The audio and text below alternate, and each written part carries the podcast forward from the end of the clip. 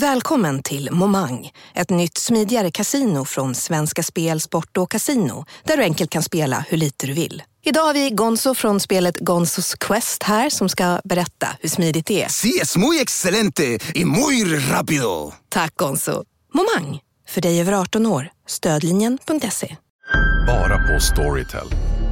En natt i maj 1973 blir en kvinna brutalt mördad på en mörk gångväg. Lyssna på första delen i min nya ljudserie. Hennes sista steg av mig, Denise Rubberg. Inspirerad av verkliga händelser.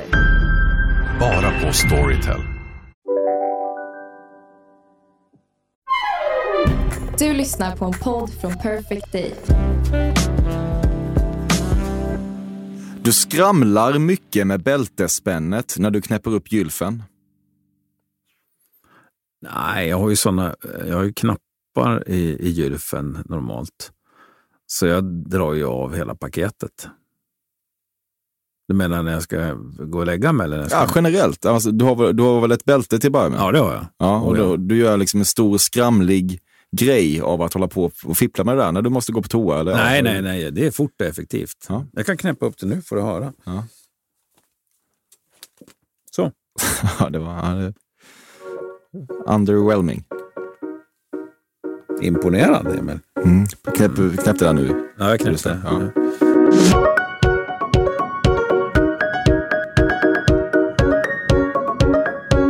Välkommen till ett nytt avsnitt av Fördomspodden med mig, Emil Persson.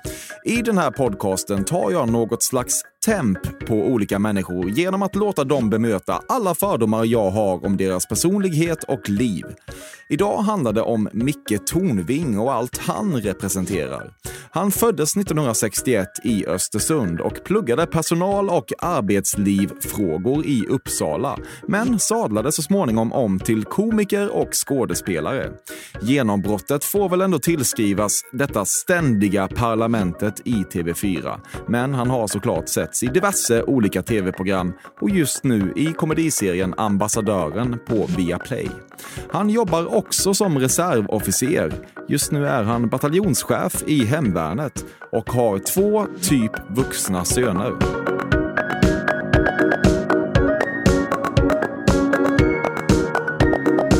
Om du ska skjuta dig själv så blir det med pipan upppressad mot hakan underifrån. Här sugs inte av något kallt stål. Ja, man vill ju vara effektiv.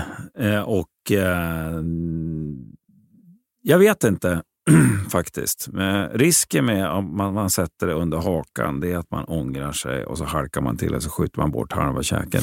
Då är det bättre att blåsa bort bakhuvudet direkt. Du sitter brett isär med benen på toa, vilket gör att kalsongerna spänns som en gummisnodd mellan anklarna.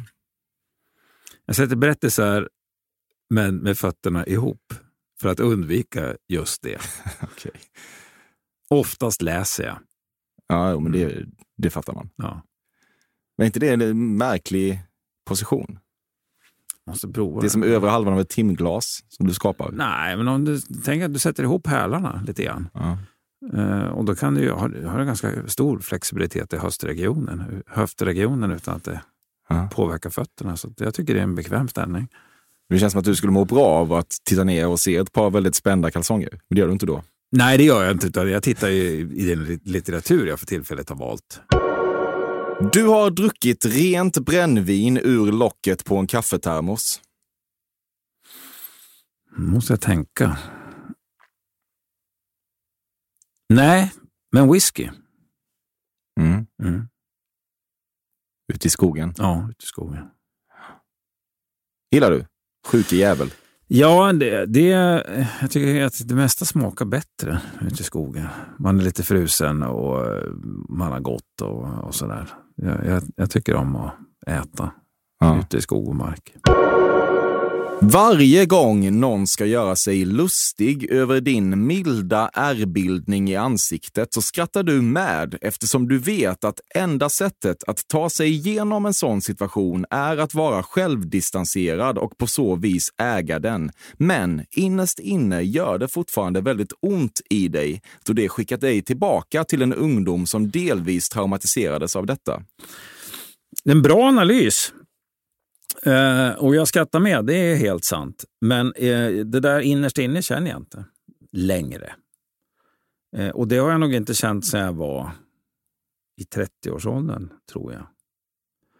Eh, för det där är jag så fullständigt eh, färdig med. Så det där, har, det där har ingen som helst påverkan. Jag till och med fick ett erbjudande en gång om att, av någon hudläkare när jag var i 32-årsåldern som sa att ja, du vet, man kan slipa bort det där. Och jag kände, nej, varför då?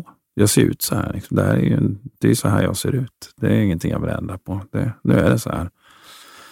För jag tror att börjar man pilla i sitt utseende, eh, då hittar man nästa grej och nästa grej och nästa grej. Och till slut så ser man ut som en jävla Barbie-docka och det är jag inte intresserad av.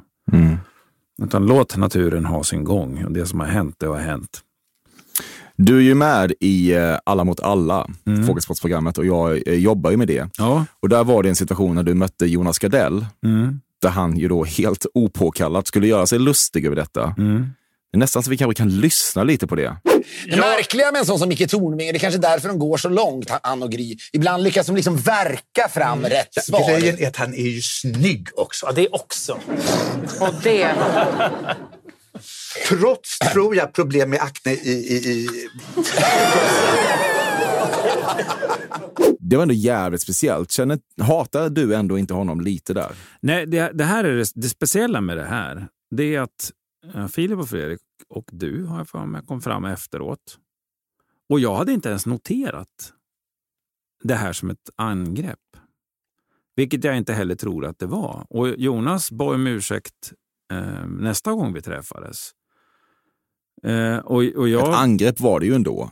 Nej, Alltså, det är men- ju ett väldigt okänsligt skämt. Det skulle kunna vara det, för det vet ju inte han vilken relation du har till det. Nej, nej, nej. Men nu, eh, nu uppfattade jag det inte så. Eh, För att, ska jag vara helt ärlig, jag uppfattade det inte alls. Jag hörde ju vad han sa. Liksom, va? Eh, Och sen så gav jag väl något, något svar på det. Men, men det, det, det väckte ingen sån där, "Åh, nu har han trampat mig. Ingen sån känsla överhuvudtaget. Det väckte ingen känsla alls i, hos mig. Eh, så att jag var tvungen, nästan tvungen att, att säga till honom. Alltså jag var tvungen att vara väldigt tydlig eh, när vi träffades efteråt och få honom att förstå att det där hade faktiskt ingen som helst effekt på mig. Det var ingenting som jag... Jag hade inte ägnat en sekunds tanke åt det där efteråt. va. Och antingen så är jag väldigt hårdhudad då, eller så är det fördelen med att ha bearbetat någonting som har varit ett trauma tills man är, är trauma är mycket sagt, men någonting som har varit jobbigt tills man är fullständigt klar med det. Och sen då när jag är färdig med det, då är det packat och klart och så går jag vidare. Och sen om någon drar upp det igen, då, då känner jag ingenting faktiskt. Blev du mobbad för detta på något vis? Hur Ja, det blev jag ju då. Eh, och jag blev inte mobbad sådär, så att, som, som riktig mobbing är, utan retad skulle jag nog säga. Eh, inte mobbad, utan retad blev jag. En viktig distinktion det där. Men man retade ju varandra för allt. Jag blev ju retad för att jag hade stor näsa och stora fötter, vilket de flesta killar i den åldern har. Och så retar man någon annan jävel för att han nyss hade klippt sig. Eller någon som hade, hade man mössa på sig först av alla när det var minus 10 grader. Då, "Åh, mössa nu, vad fan. Det var alltid... Det är något annat ändå. Men ja, ja, men I den åldern så är det ju alltid eh, att en minsta avvikelse, nya skor, ny väska, finnar, eh, eh, tjejerna får, får bröst. Allt som är en avvikelse är ju föremål för, för löje, för man avviker från gruppen. Det vore intressant att forska i sociologiskt. Då. Men det där är fullständigt, ja, ett fullständigt avslutat kapitel för mig. Eh, Så dra upp det. Don't care. Mm. Du köper aldrig färsk exotisk frukt på stranden utomlands. Det kan jag faktiskt göra. Ja. Men jag köper aldrig mer eh, kokosmjölk förpackat på plastpåse i Thailand. Det gör jag aldrig mer, för då blev jag matförgiftad. Okej. Mm. Men du menar att du, du köper mango och sånt? Melon? Ja, det kan jag faktiskt Är det göra. sant? Ja, men det är, sällan jag är, det är sällan jag befinner mig på strandsemester nu. Men när ungarna var små så kunde det hända. Du är ett väldigt sammanbitet och knäpptyst knull. Så när som på själva klimax, då slinker det ur dig ett lite kollapsande ah, stön. Nej, det är helt fel. Jag är utomordentligt verbal om min partner så önskar. Aha. Ja. Som i högljudd eller eh, Nej, konversatorisk? Konversatorisk. ja, du är det. ja. Mm. Vad kan du säga då? Eh, Det är mellan mig och min partner. Har du en partner? Ja. Kul. Mycket. Du hade en idolplansch på Hugin och Munin på pojkrumsväggen. Nej, men jag skulle mycket väl ha kunnat ha haft faktiskt. Jag hade inga idolplanscher överhuvudtaget. Nej, också lite väntat på något sätt. Ja. Nej, jag, jag förstod aldrig riktigt det där. Med... Idoler är fördummande, tycker du? Nej, jag, jag, det, det, eh, det yrkan ligger inte riktigt för mig.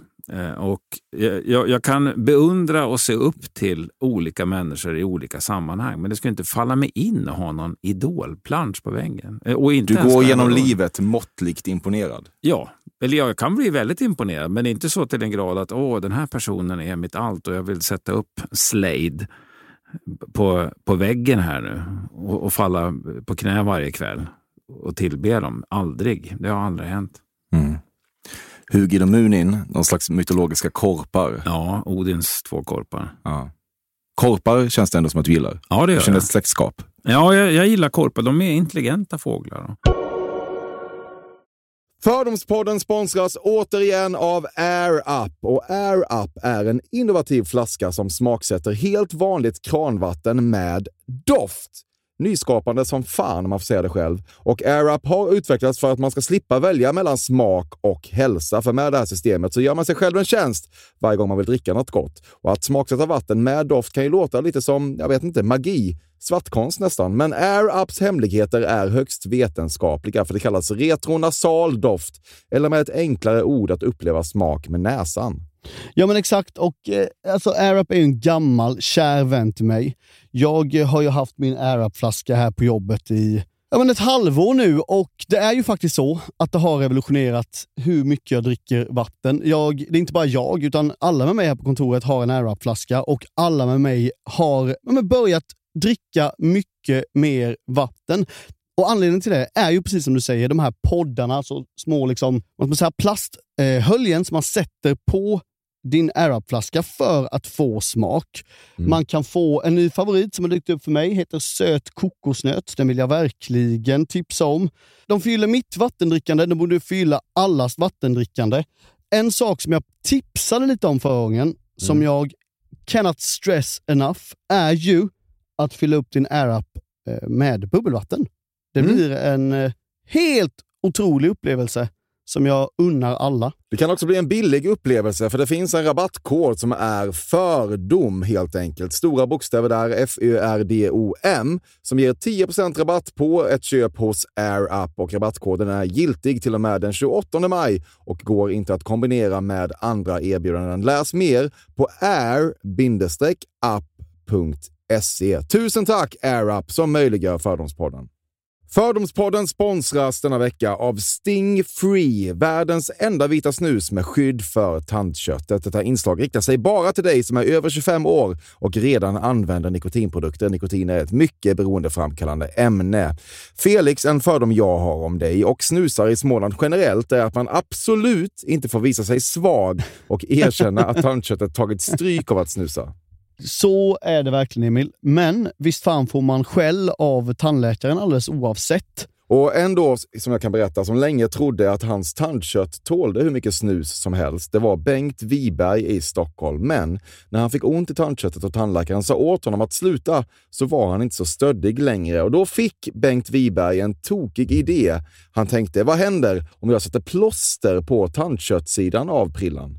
Är det sant? Ja. Och det funkar alltså? Alltså man plåstrar prillan för hand, så att säga? Ja, precis. Plåster på tandköttsidan av prillan testade han och det funkade otroligt nog. Och snuset smakade fortfarande gott och levererade nikotin precis som det skulle. Men det är ju liksom... Det måste väl ändå vara revolutionerande det här. För en riktig skitgrej med snus är ju att tandköttet tar stryk. Eh, och det här låter ju ändå som en, någon slags produkt som är, blir lika självklar som typ ja, men bilbältet eller en cykelhjälm eller vad som helst. Ja, precis. Ja, men vi, vi är många som har haft problem med det här ju genom åren sannoliken. Och nu är den här idén patenterad och istället för plåster så är det blå skyddet inbyggt i prillorna. Och Sting Frees produkter finns att köpa i butik och på nätet. Så läs mer om världens enda vita snus med skydd för tandköttet på stingfree.se. Tack Sting Free! Och tack Bengt Wiberg. Verkligen. Fördomspodden sponsras av Bastard Burgers som är den norrländska burgarkedjan som ju finns över hela landet plus i Oslo, i Helsingfors och New York och de serverar svenskt nötkött och har en stor vegansk meny. Och vi ska prata lite mer om det här eh, signaturburgarkonceptet för 2024 som går ut på att det varannan månad presenteras två nygamla signaturburgare som gör efterlängtad comeback på Bastard Burgers och det heter ju Hall of Fame. Ja men det ska vi verkligen, men innan vi ska dit så skulle jag vilja lyfta en sak Emil. Nu kommer sommaren, nu kommer after work-tiden. Man känner hur det spritter i benen. Mm. Ta den after work Bastard Burgers, för vet du, förutom liksom den härliga ambiansen så har de ju spicy nuggets på menyn. Vi pratade om detta förra veckan. De har ju haft chicken nuggets på menyn ett tag, men nu finns det alltså spicy nuggets. De har tagit det till en nivå till. Det skulle jag verkligen vilja tipsa om nu när sommaren kommer. Att öl eller någon annan slags beverage och spicy nuggets, där har du en AV i min smak. Mm. Och också det, just det här att Spicy Nuggets nu kommer finnas permanent på Just menyn. det, Jag tycker det finns verkligen. en otrygghet i, i, i vissa eh, matkedjor när, när vissa grejer bara återkommer då och då och man vet aldrig om ens favoriter finns där. Men Spicy Nuggets som är godare än vanliga nuggets som man är lagd åt ett spicy Mm, hållet, mm. vilket jag är, kommer nu alltid finnas där. Det finns en trygghet i det. Jag vill också slå ett slag för att det nu i maj släpps även en ny signaturburgare och det är alltså ingen mindre än The Notorious Chili Cheese. En burgare med chili cheese på. Man minns när chili cheesen kom in i ens liv och förändrade livet till det bättre. Det är ostigt, det är starkt, det är otroligt. Det innehåller alltså massa ost och lite jalapeno. Och allt detta kan du såklart få om du laddar ner appen för Bastard Burgers och beställer eller för guds skull går till en fysisk restaurang. Tusen tack Bastard Burgers som möjliggör Fördomspodden. Tack Bastard! Det är viktigt för dig att vara en person som tar varje chans att uppvisa civilkurage. När en tant exempelvis halkar blir du snabbt en organiserande projektledare. Du sitter på knä bredvid tant samtidigt som du kommenderar en annan förbipasserande att ringa på en ambulans och så vidare. Ja. så, så är det. Eh, jo, men det, alltså, när människor far illa eller blir utsatta för någonting eller det händer en olyckshändelse, och då, tycker jag, att- då är det, tycker jag att det är en plikt att man, att man hjälper till. Om man kan så, så ska man göra det. Mm. Men det, det, där är, det där är intressant, för jag var med om en, en grej i Uppsala för eh, många år sedan när jag studerade. En, en vanlig lördag, fullt med folk på gågatan och en eh, man i 55-60-årsåldern, alkoholist, berusad som fan, gör utfall mot just äldre damer som passerar av någon anledning. Och alla bara tittar på. Eh, och jag vände mig om till två av mina polare som stod eh, bakom mig som råkade väga 100 kilo styck och säger bara du, du följer med. Och så gick jag fram och så säger jag åt dem, du tar honom på höger sida, du tar honom på vänster sida. Och så sög de tag i den här gubben och lyfte upp honom och så skällde jag ut honom och satte ner, fick de sätta ner honom på en parkbänk där och så ringde vi polisen. Och då blev jag så här, men jag menar ju ingenting. För sent, du har gjort bort det. Och vad jag tror det handlar om det är att om det är någon som tar befälet och pekar på fyra, fem stycken stadiga individer. Nu gör vi så här.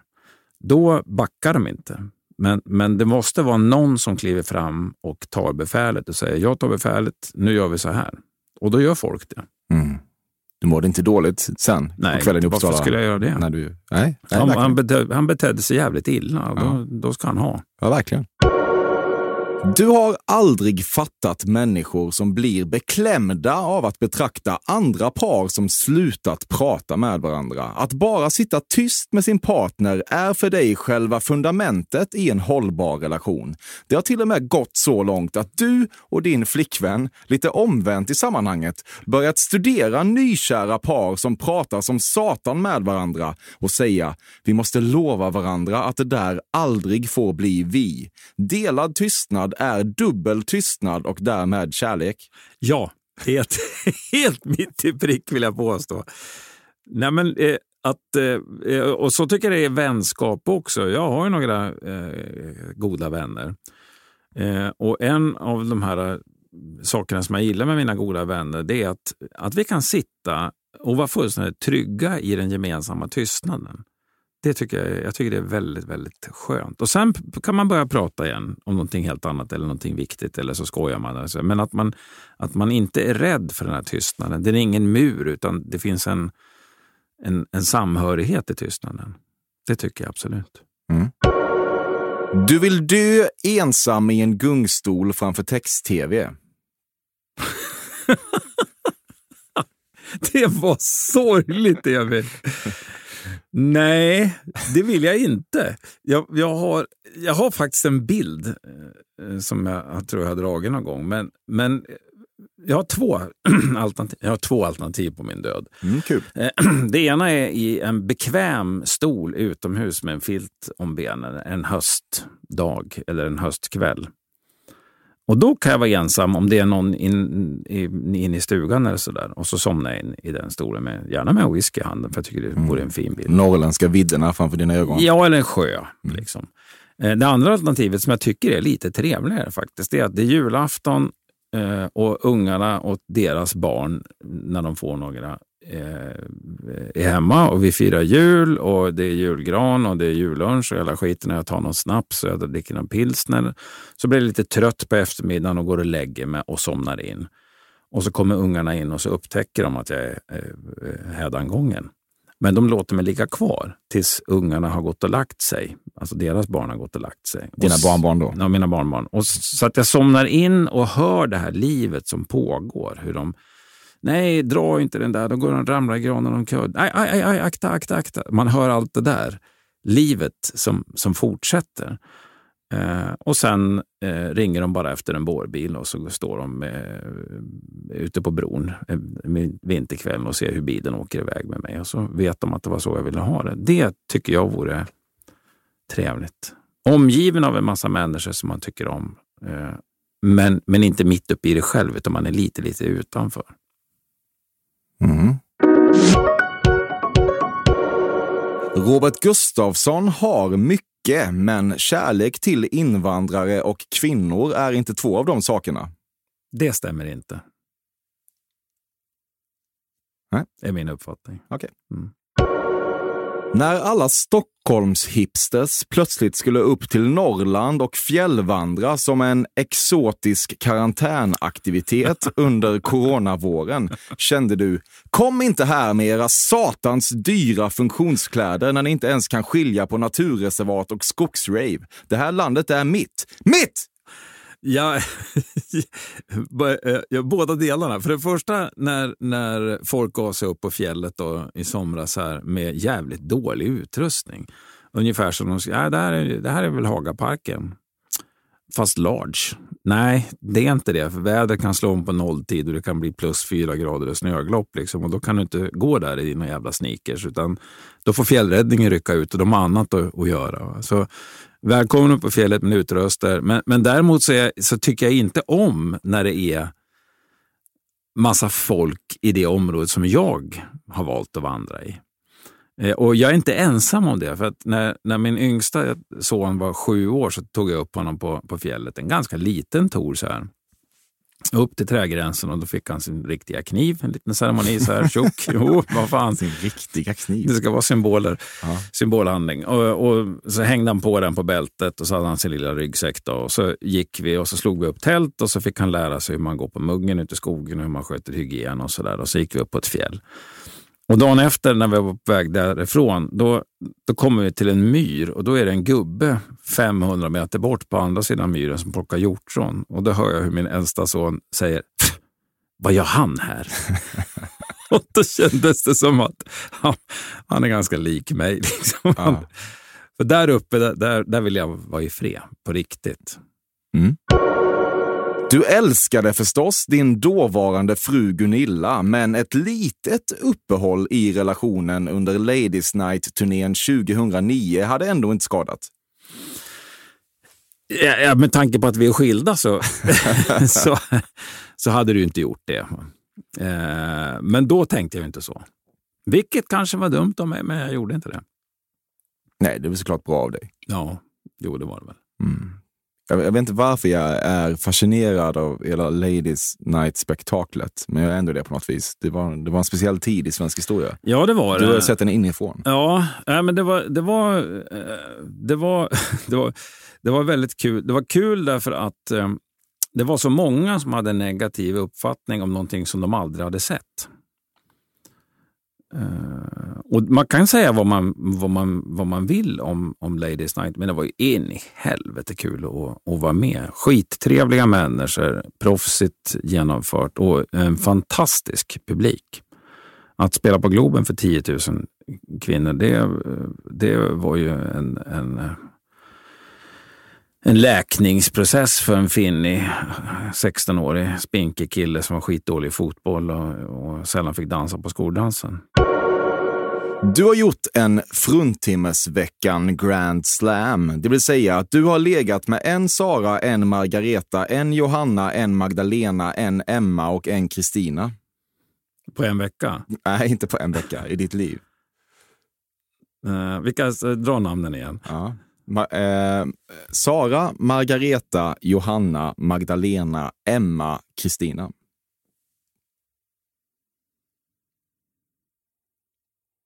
Eh, ja, ett rätt. Okej. Ja. Men det känns som, dina kvinnor heter ju den här typen av saker i alla fall. Nej, Jo, det gör de. gör de inte. Jo. Ja, okej då. Då gör de, De det. heter liksom inte Vilma. De Nej, nej, de nej, heter, gud, De heter nej. Gunilla och sånt. Ja, ja visst. Ja. Nej, men gud, man håller sig någorlunda inom sin egen... Eh, eller man håller sig... Jag, jag har alltid varit attraherad av, av kvinnor som är i min ålder eller något äldre. Och sen när jag blivit äldre, då har jag kunnat halka ner lite grann i åldrarna, men inte mycket. Eh, jag vet inte varför det är så. Men när jag var... Det här det är också en rubrik då. Men alltså min, min stora erotiska fantasi när jag gick i gymnasiet, eller faktiskt när jag gick på högstadiet, det var ju att det skulle stå en 25-årig kvinna utanför och säga, ska inte du följa med mig hem på fika? Och så skulle hon lära mig hur en slipsten skulle dras. Mm. En, hade en lärare var, det väl ändå? Ja, men det hade jag tyckt var fantastiskt. En äldre, en, en mogen tjej liksom som, som tar hand om mig och lär mig det där. Det hade, det hade varit fint. Gjorde man av dig. Ja, precis, men så blev det ju inte.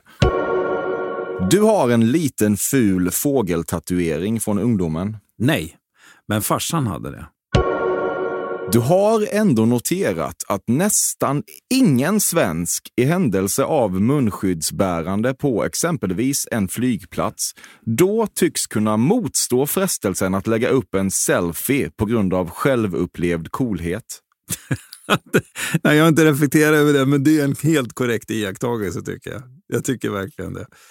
Eh, Mm. Man kan inte lita på någon där. nej, Dina bröstvårtor blir så hårda av kyla att man skulle kunna shoppa grönsaker med dem på det där högintensiva tv-shop-viset. du kan skära glas med mina eh, nipplar när det är Ja. lite friskt i luften. Det kan du göra, Emil. Ja, kul. Mm. Se om jag någonsin Jag får är möjligheten. lite stolt över det också. Jag Ja. märkte det. Ja. Det sken upp. ja, speciellt. Du har ätit renskav den senaste månaden. Nej, men för en och en halv månad sedan har jag ätit renskav. Det tycker du väl mycket om? Ja, alltså riktig renskav eh, lagad på riktigt sätt, den tycker jag om. Men ibland äter jag den köpesrenskaven som, som nödproviant. Men jag tycker ren... Jag äter, jag äter renhjärta. Eh, rökt renhjärta är, var perfekt att ha med sig i snöblusen ute på övning. Eller torkat. Därför det håller sig hur mycket som helst och när man är lite frusen eh, så täljer man en bit av det och äter det. Så får man upp lite värme i kroppen också. Det är en sån där proviant som är eh, tålig, Ja. behöver inte förpackas, kan ätas när det ges tillfälle. En utmärkt vinterproviant när man är ute. Sådär. Ordet proviant hatar du inte. Nej, det älskar jag. Du kan lära mig ett dräpande schackdrag. Jag har glömt bort det, men jag kunde ett. En spelöppning som, som gjorde den andra matt i tre drag, tror jag det var. Du har haft sex i en ubåt. Bara det att jag måste tänka efter är ju... Är lovande. det, nej, det har jag inte. Tyvärr. Mm. Du har vistats i ubåtar. Ja, det har jag gjort. Du förstår att terapi kan fungera för vissa, men för dig är det bättre att gå ut i garaget och hyvla och liksom känna hur ångesten lämnar kroppen i takt med att flagorna lämnar träet. 50 procent rätt. Eh, Jag förstår att terapi är viktigt, men jag har aldrig använt det själv. Därför att jag har inte haft något behov av det. Jag har pratat med, med vänner eller så har jag funderat eh, och försökt komma fram till varför jag mår så här. Eh, det, det jag gör är ju att jag sysselsätter mig med någonting. Eh, men det är ju inte för att avleda. Utan det är under tiden som jag jobbar, jo, jag gillar att snickra, så där har du helt rätt. Där, då, då, då tänker jag på ett annat sätt och då kan jag komma fram till, till vissa saker. Det, då, eh, och jag, jag är en sån också som, som om jag- om jag mår dåligt, och det händer ju att jag gör det, då försöker jag inte fly från den känslan. Utan jag, jag vill vara kvar i den känslan därför att det finns information i den känslan. Varför mår jag dåligt? Vad är det jag behöver ändra på? Vad är det jag behöver ta tag i? Och om jag drar på en eh, musik eller styr om tankarna eller försöker hitta på någonting annat, då missar jag den informationen. Mm. Och det har funkat bra för mig. Har du mått så jävla dåligt i livet? Ja, det har jag gjort. Har du det? Ja. När då? Eh, under studietiden i Uppsala mådde jag väldigt dåligt under en period. Och efteråt så har jag nog kommit fram till att jag var nog i en, alltså en klinisk depression. Jag skrattade inte en enda gång på sex månader. Det var mycket som var eh, stökigt i mitt liv då med relation och hade jag valt rätt utbildning och vad vill jag och sådär. Mm. Destruktiv relation kanske? Eh, nej, absolut inte. Absolut inte. En fantastisk, fantastisk eh, tjej som jag var tillsammans med. Men, men jag Eh, var omogen och, och liksom eh, inte klar på vad jag ville göra. Och, så där. och då, då, då blev det besvärligt. Men sen, sen tänk, var det en massa pusselbitar som ramlade på plats. Och på våren så kommer jag ihåg att jag drog ut motorcykeln och när jag, när jag gjorde det då var det som att en, en, en stor last bara släppte. Och sen var, sen var det över, sen var jag tillbaka igen. Så plötsligt så, så, så släppte det. var en väldigt plötslig känsla. Mm. Och så hade jag fattat en, ett antal beslut då, som gjorde att det blev bättre igen. Mm. Du knullar inte får, men du förstår män som gör det. Nej, faktiskt inte. Jag gör faktiskt inte det. Eh, jag tycker att får är... Eh, alltså getter är ju lite spännande. Men får är ju så ytliga på något vis. Mm. Jag tycker getter har mer personlighet. Nej, jag, jag förstår inte det. Nej. Parlamentet är en 100% skriven produkt. Den omtalade improvisation som skenbart charmat tittare i decennier har alltså aldrig funnits. Det är lögn. Eh, eller fel. För du ljuger ju inte, Emil. Nej. Du överdriver lite grann. Ja, det vet man. Jag säger också sanningar. Ja, det gör du. Eh, nej, det, det är faktiskt... Eh, jag brukar säga att jag får ju den frågan ganska ofta. Eh, och om man tar ett exempel, tips från coachen. Där vill jag inte veta vilka uppmaningar som kommer. Jag vet vilket ämnet är, men det släpper man ju snabbt. Därför att jag vill att, att tv-publiken ska se i mina ögon att jag sitter jävligt illa till. Eh, och hur ska jag klara det här nu? Jag vill att de ska se paniken i min blick. För det blir mer spännande och intressant så. Eh, och i ett, i ett bra parlament, då är kanske 60 procent förberedda skämt och resten sker då i stunden. I dåligt parlamentet så är 80 procent förberett eller 90 procent förberett. Och det måste finnas förberedda skämt för att, och jag vet ju bara ungefär vad jag ska säga. Eh, för att annars så kanske inte blir sändningsbart överhuvudtaget. Utan Det måste finnas ett skyddsnät under där. Men, men eh, man chansar ju friskt och improviserar friskt i full vetskap att producenten är min bästa vän.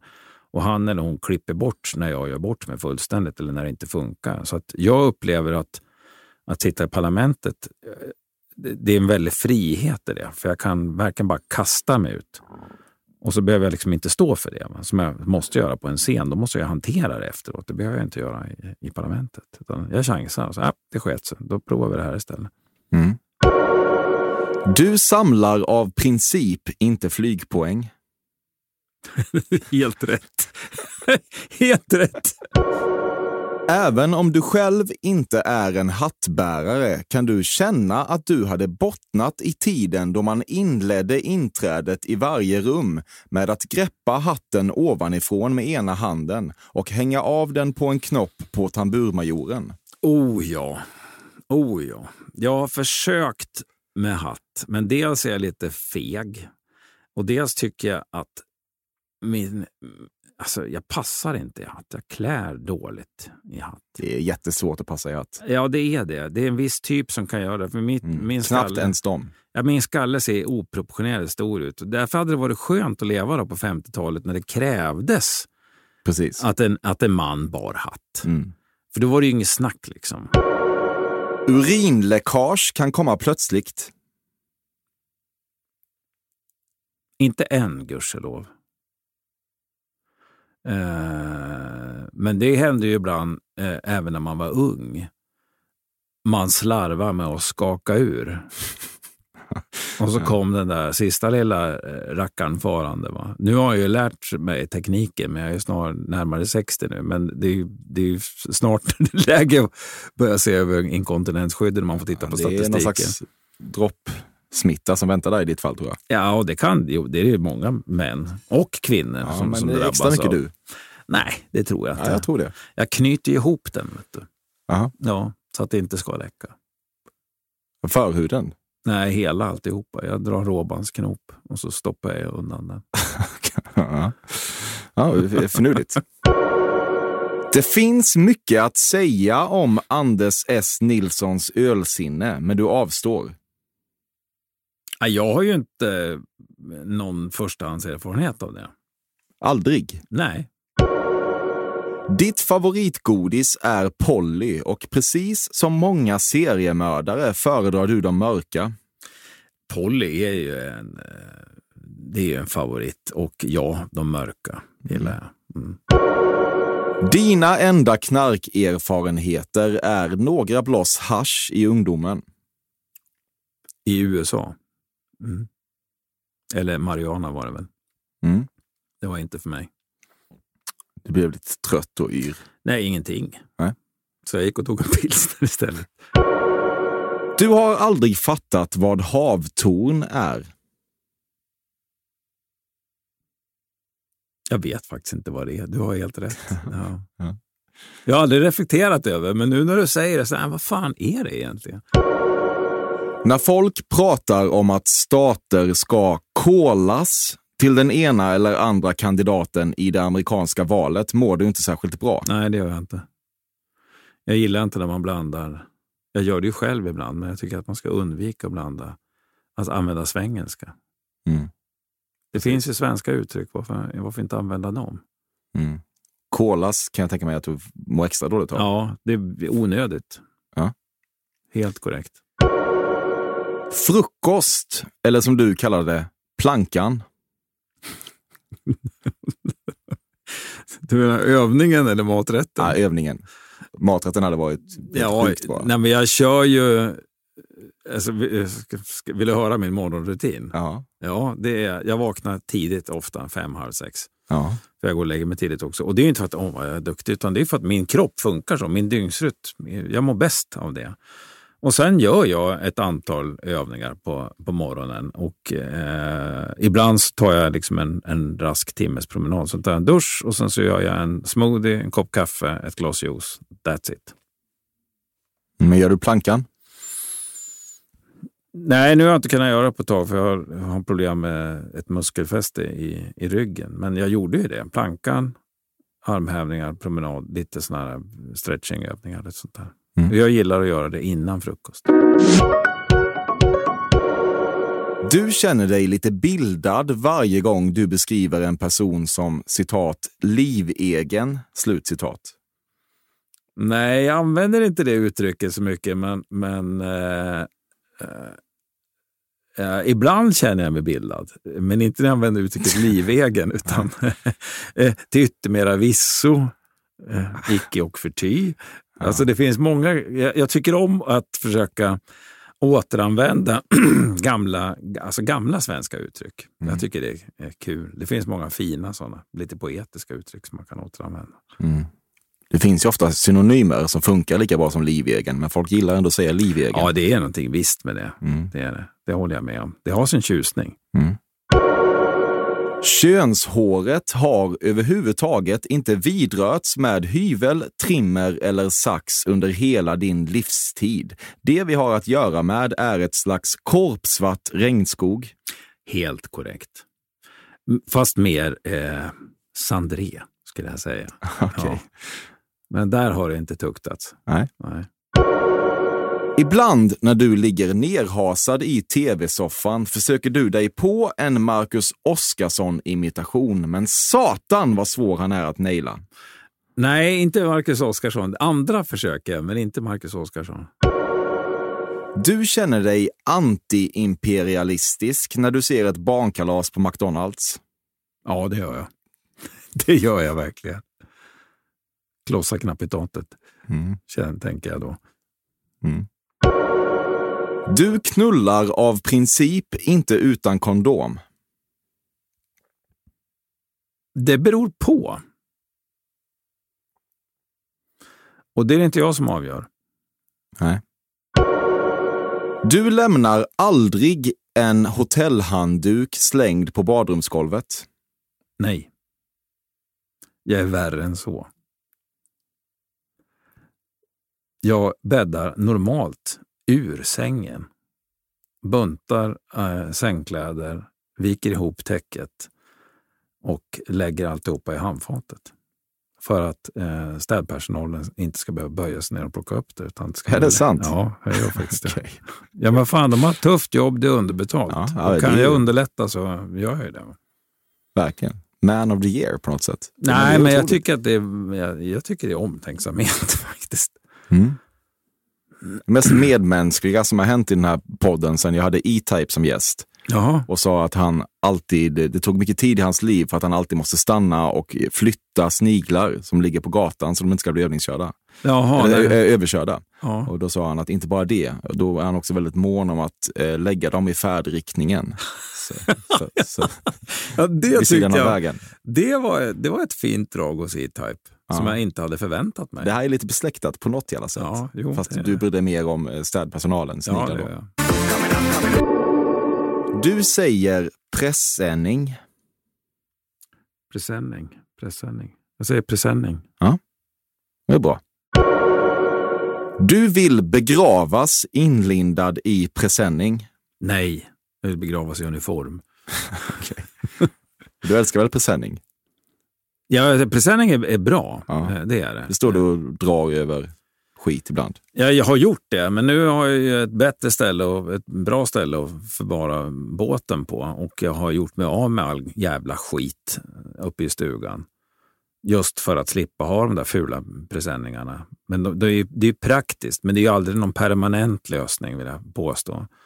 Eh, Presenning är som att laga avgasröret med såna avgasfixare. Förr eller senare måste man ta itu med problemet ordentligt och permanent.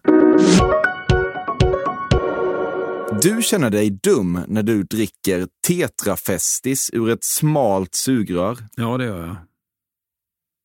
Mm. Det är väldigt smalt. Ja, det är väldigt smalt.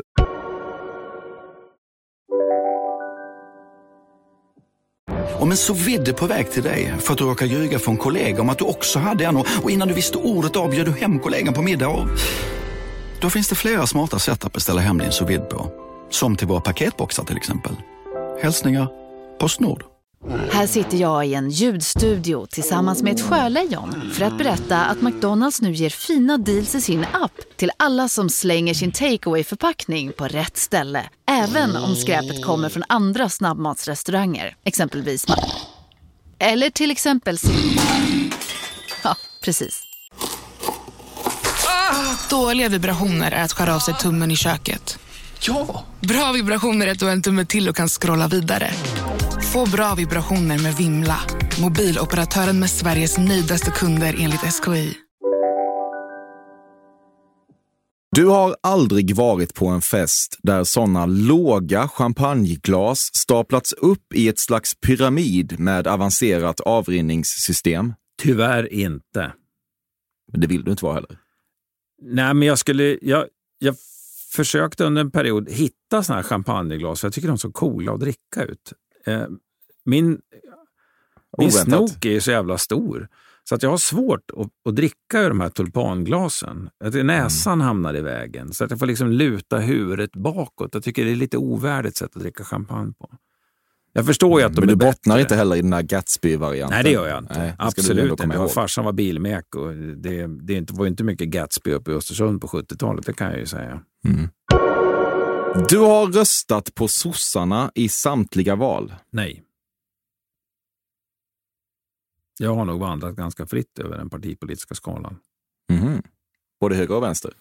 Inte höger, men vänster. Mm. Eh, jo, höger också faktiskt. Över hela, nästan hela skalan har jag gått. Du hugger din egen julgran.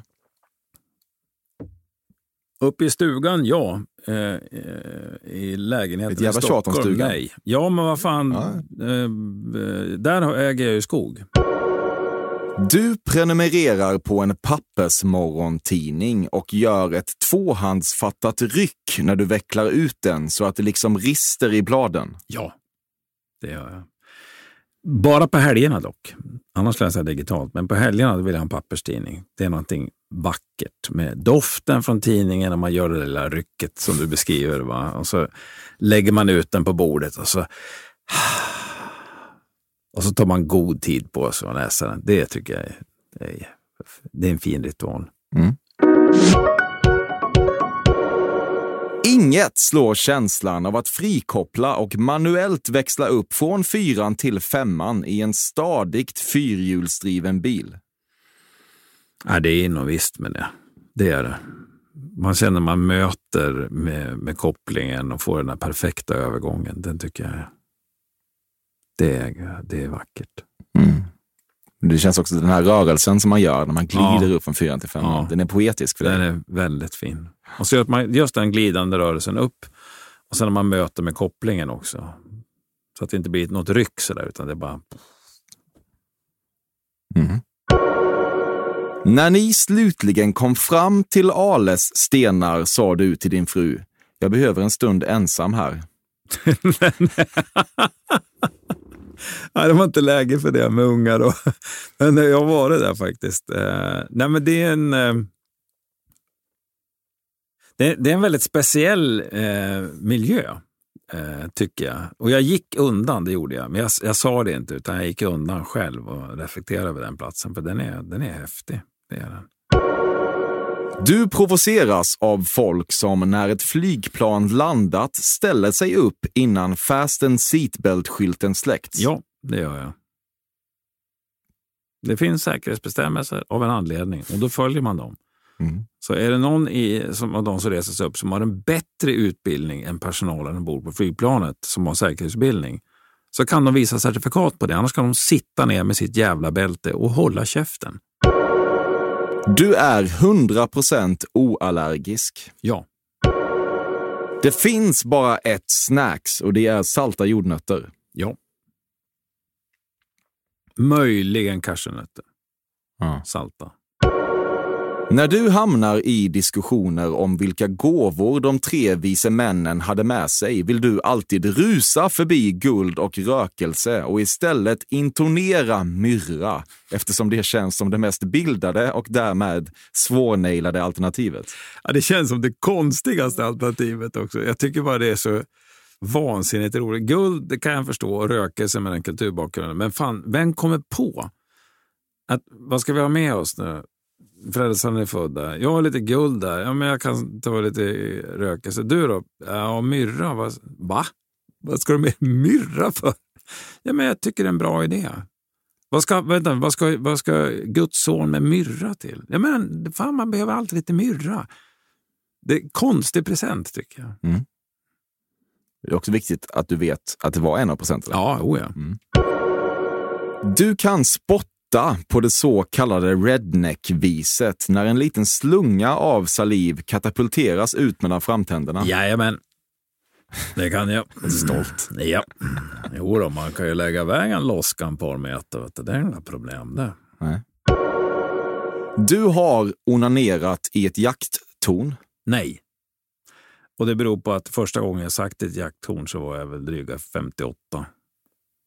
Och du menar att du har slutat onanera? Nej, men, men jag har slutat få behovet så hastigt uppkommet att jag måste göra upp i ett jakttorn. Ja. Och då sitter man ju på pass. Och man vet ju inte om drevkarlarna kommer förbi. Och hur förklarar jag det? Nej, tänker ändå att det är någonting med den stora ödsligheten där som tänder någonting inom, det, inom dig. Ja, men inte på det sättet längre. okay. Det var synd. Mm. Mm. Ja, det innebär att mina fördomar är slut. Ja. Tankar? Ja, ja, nej, jo, jag tycker att vissa var ju... Huvuddelen var mitt i prick. Några hade kunnat vara mitt i prick, men det är kul också med att, att kunna punktera vissa fördomar. Mm. Vad mår du bäst av att kunna punktera kring dig själv? Finns det någon missuppfattning som folk har?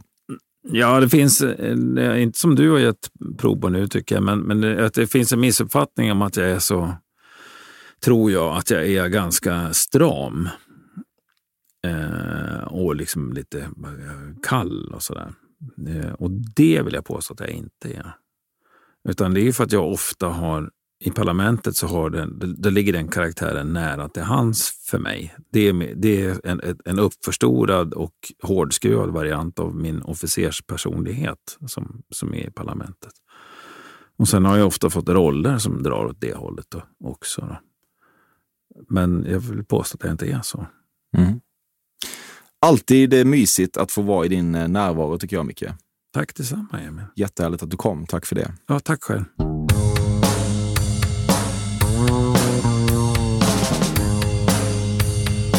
Detta har varit Fördomspoddens 125 avsnitt med Micke Tornving och inget annat än det. Tack till Sveriges bästa klippare Bobbe Nordfeldt och tack till Carl Björkegren som står bakom vignetten.